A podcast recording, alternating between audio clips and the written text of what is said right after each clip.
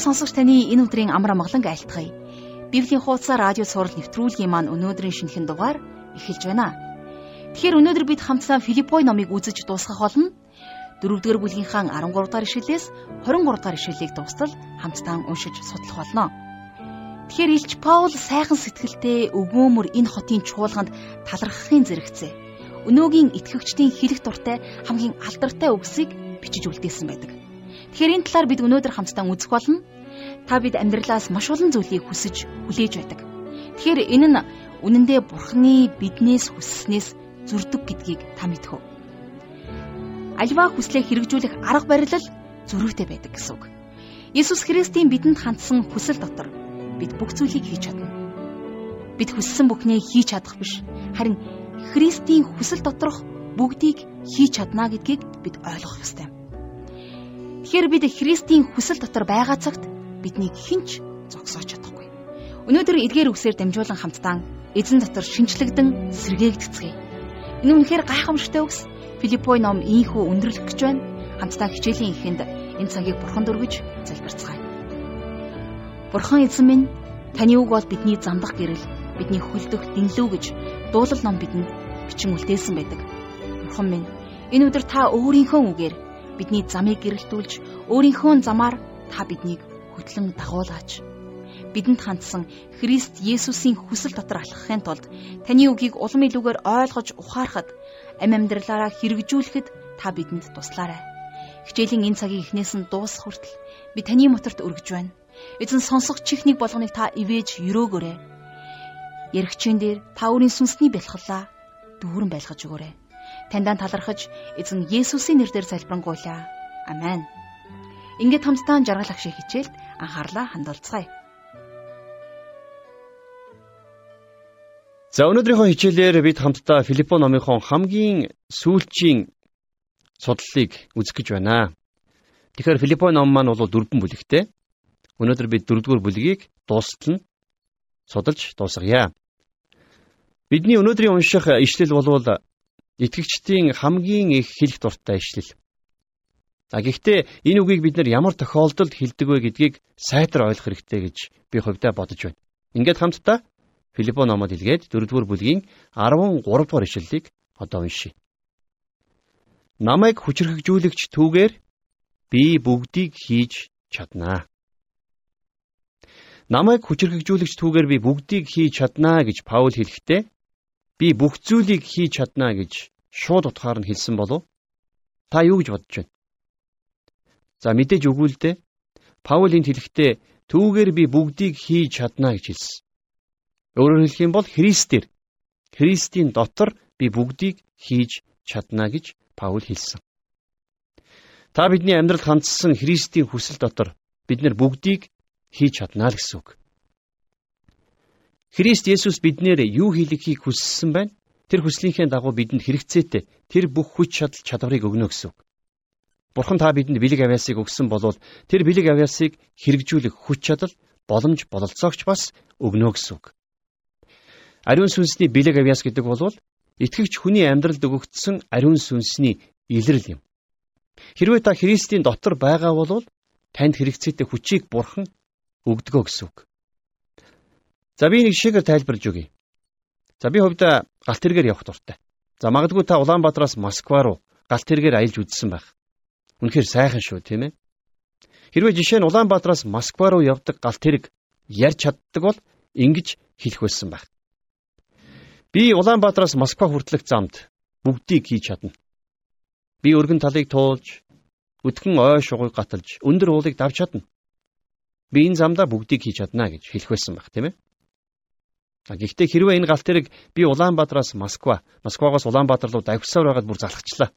Замаасаа гараад уйдаага гаргаад жаахан аялаадах яа гэж бодох юм бол юу болох вэ?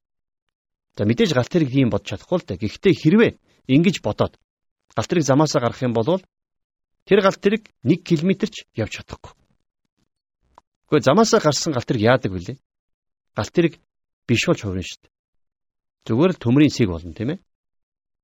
Харин галт тэрэгний зам дээрээ байх үедээ галт тэрэг шиг найдвартай унаа байхгүй. За тэгвэл Паул угтаа бол яг л энийг хэлээд байгаамаа. Түүгээр буюу Христээр би бүгдийг хийж чадна гэж Паул хэлсэн. Хэрвээ та Есүст итгэсэн бол та Христийн биеийн нэг хэсэг болсон гэсэн үг. Христ бол өөрийн биеийн тэргүүн. Харин бид нар өөрсдийнхөө амьдралыг тэргүүн болгох Есүс Христийн хүслийн дагуу удирдан чиглүүлэх учиртай байдаг. За зөвлөж хэлэх юм бол Есүс Христийн хүсэл бол бидний дээгүүр нь явах ёстой галт тэрэгний төмөр зам гэсэн үг.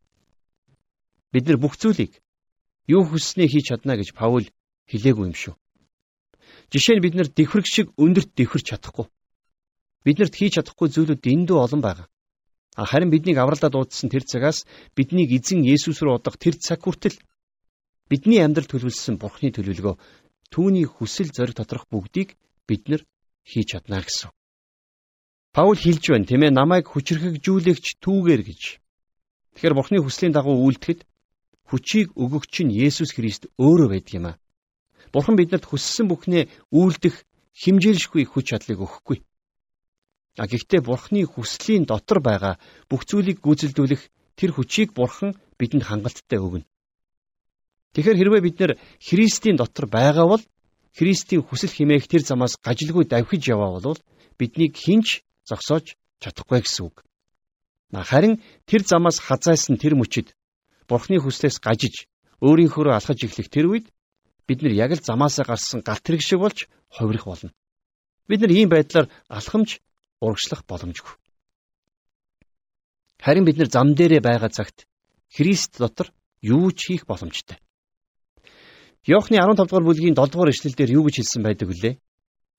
Есүс хэлэхдээ хэрвээ та нар миний дотор миний үгс та нарын дотор байвал та нар юу хүсснээ гуй. Тэгвэл та нарын төлөө биелэх болно гэсэн байдаг. За тэгвэл бид нар гуйж эхлэхээс өмнө нэг зүйлийг тодорхой болгох хэрэгтэй байх нь. Бид нар Есүс Христийн хүслийн дотор байна уу үгүй юу гэдгээ шалгах хэрэгтэй. За би эндээс нэг зүйлийг онцолж хэлмээр байна. Бурхны хүслийн дотор байх нь их чухал шүү. Харин Бурхны хүслийг бид нар мэдхийн тулд Библиэд найзлах ёстой. Зарим хүмүүс төлбөр төлөөд ямар нэгэн сэтгэл судлалын ч юм уу эсвэл менежментийн богино хэмжээний сургалтанд хамрагдаад болчихно гэж эндүрдэг. Бүх асуудлаа шийдчих гэж боддог. Үгүй ээ. Тийм болохгүй. Энэ арга хүмүүс төрхөн зургийн шийдэл болж магадгүй ч гэсэн хизээч урт хугацааны шийдэл болж чаддгүй. Хүмүүсийн амьдрал өөрчлөгддөг. Харин би танаас асууя. Та Бурхны үгэнд хэрэг цагийг зарцуулдаг вэ? Үнэн дээр та бидний амьдралын бүх асуултын хариулт бол Бурхны үг юм шүү. За дээрэс нь Бурхны үгийг судлахдаа бид нар Бурханд ямарваа нэгэн төлбөр төлөх шаардлагагүй үст. Бурхны үгийг нухацтайгаар судалж эхлэх цаг болсон юм шүү. Йоохны сайн мэдээгээр битгий зогсоорой. Йоохны сайн мэдээ мэдээж сайхан. Гэхдээ цаана Библиэд Бурхны үгийг судлах 65 ном таныг хүлээж байна. Хэрвээ та Бурхны үгийг бүхлээр нь уншиж судлах юм бол таны амьдралд хандсан Бурхны хүслийг ч бас бүхлээр нь олж мэдэх боломжтой. Бурхны үгийг судлах үед бидний дотор баяр хөөр дүүрдэг. Бурхны хүслийг таньж мэдээд Түүний хүсэл дотор амьдарч эхлэх тэр цаг үед Бурхны биднэр хийлгэхийг хүсэж байгаа тэр бүхнийг хэрэгжүүлэн амьдрахад та бидний дотор хизээч мэдэрч байгаагүй тийм сэтгэл хангалуун байдал дүүрч ирдэг юм аа. Та энийг амсаад үзээрэй. 14 дугаар эшлэлдэр гисэн ч та нар зовлонгоос минь хуваалцахдаа сайн байсан гэж Паул бичсэн байна. Филиппон чуулганыхны илгээсэн бэлэг өөрт нь маш их таалагдсан гэдгийг Паул энд илэрхийлж байна. Та нар зовлонгоос минь хуваалцахдаа их сайн байсан шүү гэж Паул хэлсэн. Энэ үг тэрний хувьчилсан талархлын үг байсан байна. 15 дугаар эшлэлдэр сайн мэдээний анхан үед намайг Македоноос явсны дараа ав хөгхийн хэрэгт ганцхан та нараас өөр нэгч чуулган оролцоогүйг Филиппочууд та нар өөрсдөө бас мэдэж байгаа гэсэн байна. За тэгэхээр эндээс харах юм бол дахиад Филиппон чуулган бол үнэхээр гайхамшигтай чуулган байжээ. За өнөөдөр ч гэсэн манад ийм сайхан чуулганууд олон байгаа. Тэд нар Бурхны зүйлс санаа тавьж гайхамшигтайгаар нэгдэн нөхөрлөж бие биенээ хайрладаг. Ийм чуулганыг Бурхан үнэхээр ивэж өрөөдөг юм аа. Филиппон чуулган Илч Паултай маш ойр дотн харилцаатай байсан. Тэд нар Паулийг бүх талаараа дэмжиж байсан. Тэд нар Паулийг өөрсдөө илгээсэн юм шиг бүх талаараа дэмжиж байсан байна, тийм ээ. За тэгээд чуулганаасаа Паулийг илгээлтийн эзнэр илгээвэл сайхан биш гэж юу? Тэд нар үнэхээр өөрсдөө илгээсэн юм шиг Паулийг дэмжин тэтгэж байсан. 16 дугаар эшлэлдэр Тесалоникт ч хүртэл та нар нэгээс илүү удаа надад хэрэгтэй имийг маань илгээсэн. За тэгэхээр Үлс номын 16 болон 17 дугаар бүлэг дээрээс бид нар Паулийг эрх баригчдын хүсэлтээр Филиппогоос явсан тухай олж уншсан тийм ээ. Тэгээд тэр Тесалоникт хүрч очисон байдаг. За Тесалоник хотод Паулийн тарааж байсан сайн мэдээг эсэргүүцэгчдээс болоод хот тэр чигээр үүмэн самунд автсан. Тэнд Паулд хинч туслаагүй. Харин Филиппон итгэгчид Паул тусалсан байдаг. Тийм учраас Паул юу гэж гэрчилсэн байна уу гэхлээр Тесалоник хотод ч хүртэл та нар нэгээс илүү удаа надад хэрэгтэй юмыг маань илгээсэн гэж хэлсэн байна. 17 дугаар эшлэлдэр би бэлгийг нь ирж байгаа юм биш. Харин та нарын үнэлгээнд нэмэгдэж байгаа үр ашгийг ирж байна гэсэн байна. За энэ их чухал ойлголтын талаар Паулийн дурдсан байна. Филиппон чуулганы үйлчлэлийн үр жимсийг өнөөдөр бид нар ч гисэн амсч байгаа шүү дээ.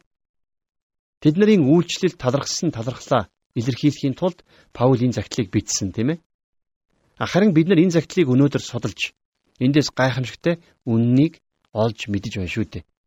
Энэ бол Филиппон чуулганы итгэгчдийн үйлчлэлийн үр жимс байгаа биз? Тэд нэр Илч Паулд хөрөнгө оруулж байсан. Харин байна штэ. Тэр хөрөнгө оруулалтын ноогдол ашгийг өнөөдрийн бид нар хүртэж байна гэсэн үг шүү дээ. Бурхны үгийг өнөөдөр бидэнд тунгалахад Филиппожуудын оруулсан хувь нэмэр асар их байгаа биз? 18 дугаар эшлэлдэр Гэвч би бүгдийг хүлээн авч хангагдсан. Би Эпафродитос та нарын юмсыг хүлээн аваад дүүрэн байна. Билэгч нь бурхан таашаагдах тааламжид тахил ба англиун үнэр юм а гэсэн байна.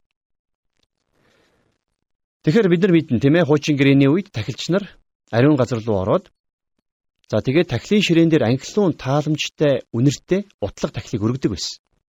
Тэгэхээр өнөөдөр итгэгч бидний бусдад өгч байгаа өглөг хандив нь бурхны өмнө өргөж байгаа анхлуун үнэрт утлаг мэт юм аа. Та бид нар бусдад зүрх сэтгэлээрээ өгч хандивлах яг тэр үед энэ нь яг л Паулийн Филиппойчуудад хандан хэлсэнчлэн бурханд таашаагдах тааламжид тахил ба англиун үнэр болж байдгаа гэдгийг битгий мартаарай. Та бид нар бусдад өгөхдөө зөв зөрсгөлтэй байж чадах юм бол та бидний өглөг хандив бурхны өмнө үнэхээр үн цэнтэд тооцогддог. 19 дэх эшлэлдэр миний бурхан алдардах баялгаараа Христ Есүс дотор та нарыг хэрэгтэй бүхнээр чинь хангана гэсэн байна.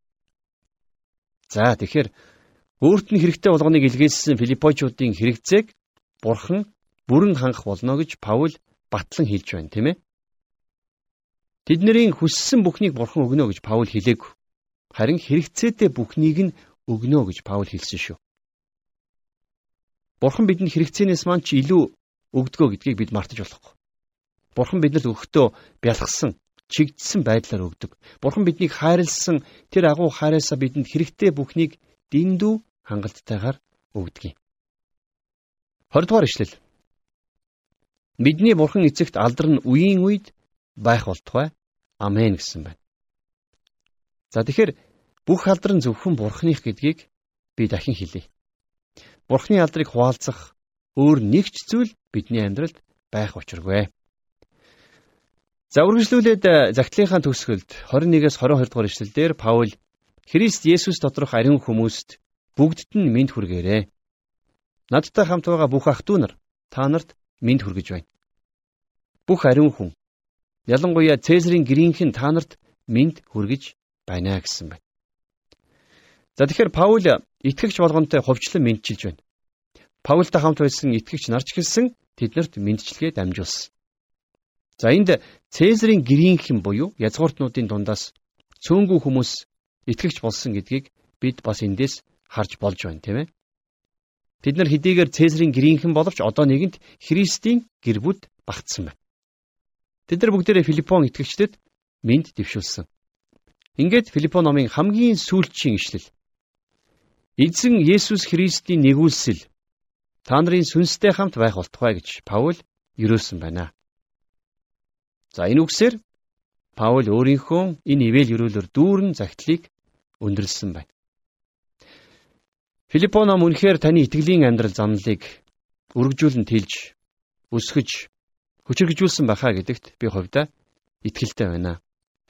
Филиппо номыг анхааран бидэнтэй хамт судалсан сонсогч танд баярлалаа. Сонсогч таны амьдралд ч гэсэн бас эзэн Есүс Христийн нэгүүлсэл дүүрэн хамт байх болтугай.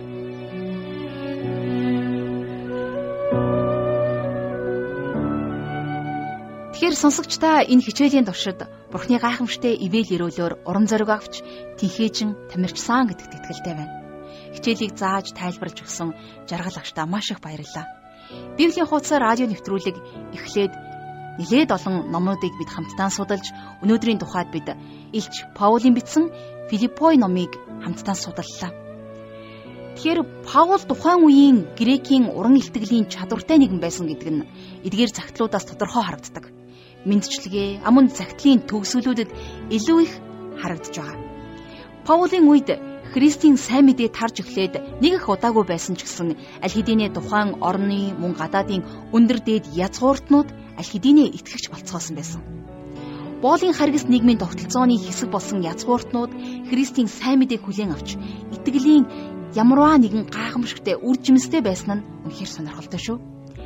Паул эдгээр загтлуудаа бичээд тун удаагүй байхдаа Ромын эзэнт гүрэнд маш их хавчлага өрнөж Ром хотод Паул Петр нар сайн мэдээний төлөө амиа өргөсөн байдаг. Тэгэхээр апостол Паул зөвхөн 1-р зууны итгэгчдийн дунд биш.